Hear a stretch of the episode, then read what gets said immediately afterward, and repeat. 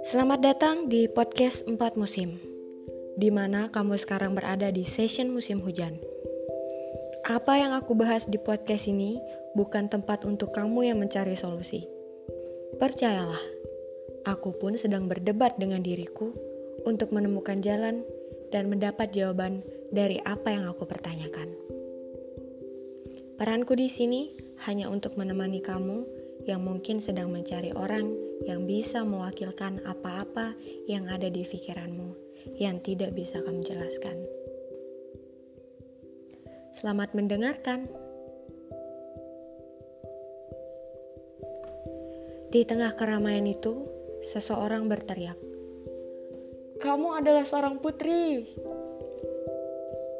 Teriakan laki-laki itu membuat semua keramaian yang disertai rusuh itu sekejap hening, memaku fokus ke arahku. Kusadari sebuah mahkota cantik sudah ada di atas kepalaku. Kerumunan laki-laki itu membuka jalan, dan salah satu di antara mereka yang tadi berteriak menuntunku melewati mereka.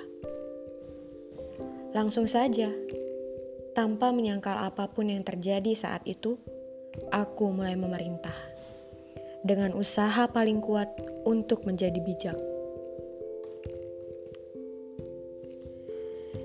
Ya, aku adalah seorang putri dari kerajaan yang aku bangun sendiri. Aku yang tadinya boros dan egois, sekarang sudah bisa mengatur diri sendiri dan rakyatku.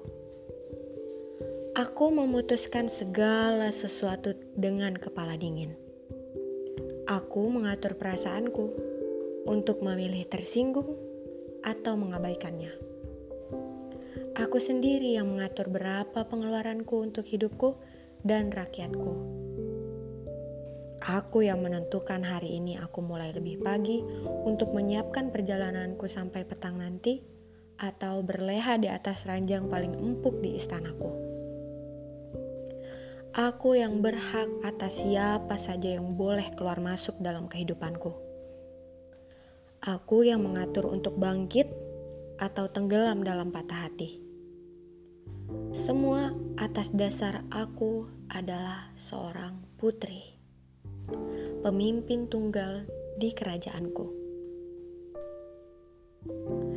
Sejahtera atau berantakannya kerajaan ini tergantung aku sendiri dan asal kamu tahu, seorang putri tidak harus berambut panjang, memakai gaun kapan pun ia mau, tidak harus makan dengan garpu dan pisau, tidak harus berwajah tanpa jerawat, tidak harus bermata kaki putih atau memakai sepatu berhak tinggi, tidak harus dipasahkan mahkota dari emas yang ditaburi berlian Swarovski itu semua hanya standar sosial masyarakat tentang kehidupan kerajaan. Hidup macam apa itu? Menjadi putri yang hidup dalam imajinasi orang. Aku hanya ingin menjadi putri yang mengatur hidupku dan tubuhku dan pakaianku dan gaya bicaraku dan memastikan rakyatku sejahtera saja sudah.